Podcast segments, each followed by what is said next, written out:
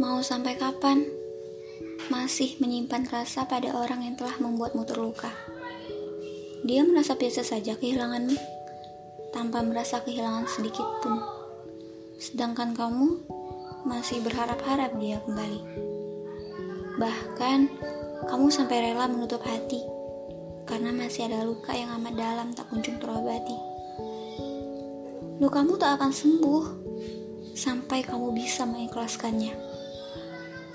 Ayolah, jangan pelihara rasa sakitmu. Setidaknya, berharaplah akan ada ganti yang lebih baik lagi darinya. Sepertinya itu lebih menenangkan ketimbang larut dalam kesedihan.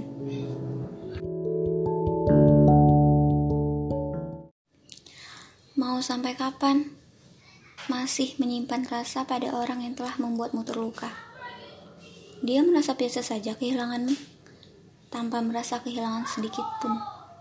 Sedangkan kamu masih berharap-harap dia kembali. Bahkan, kamu sampai rela menutup hati karena masih ada luka yang amat dalam tak kunjung terobati.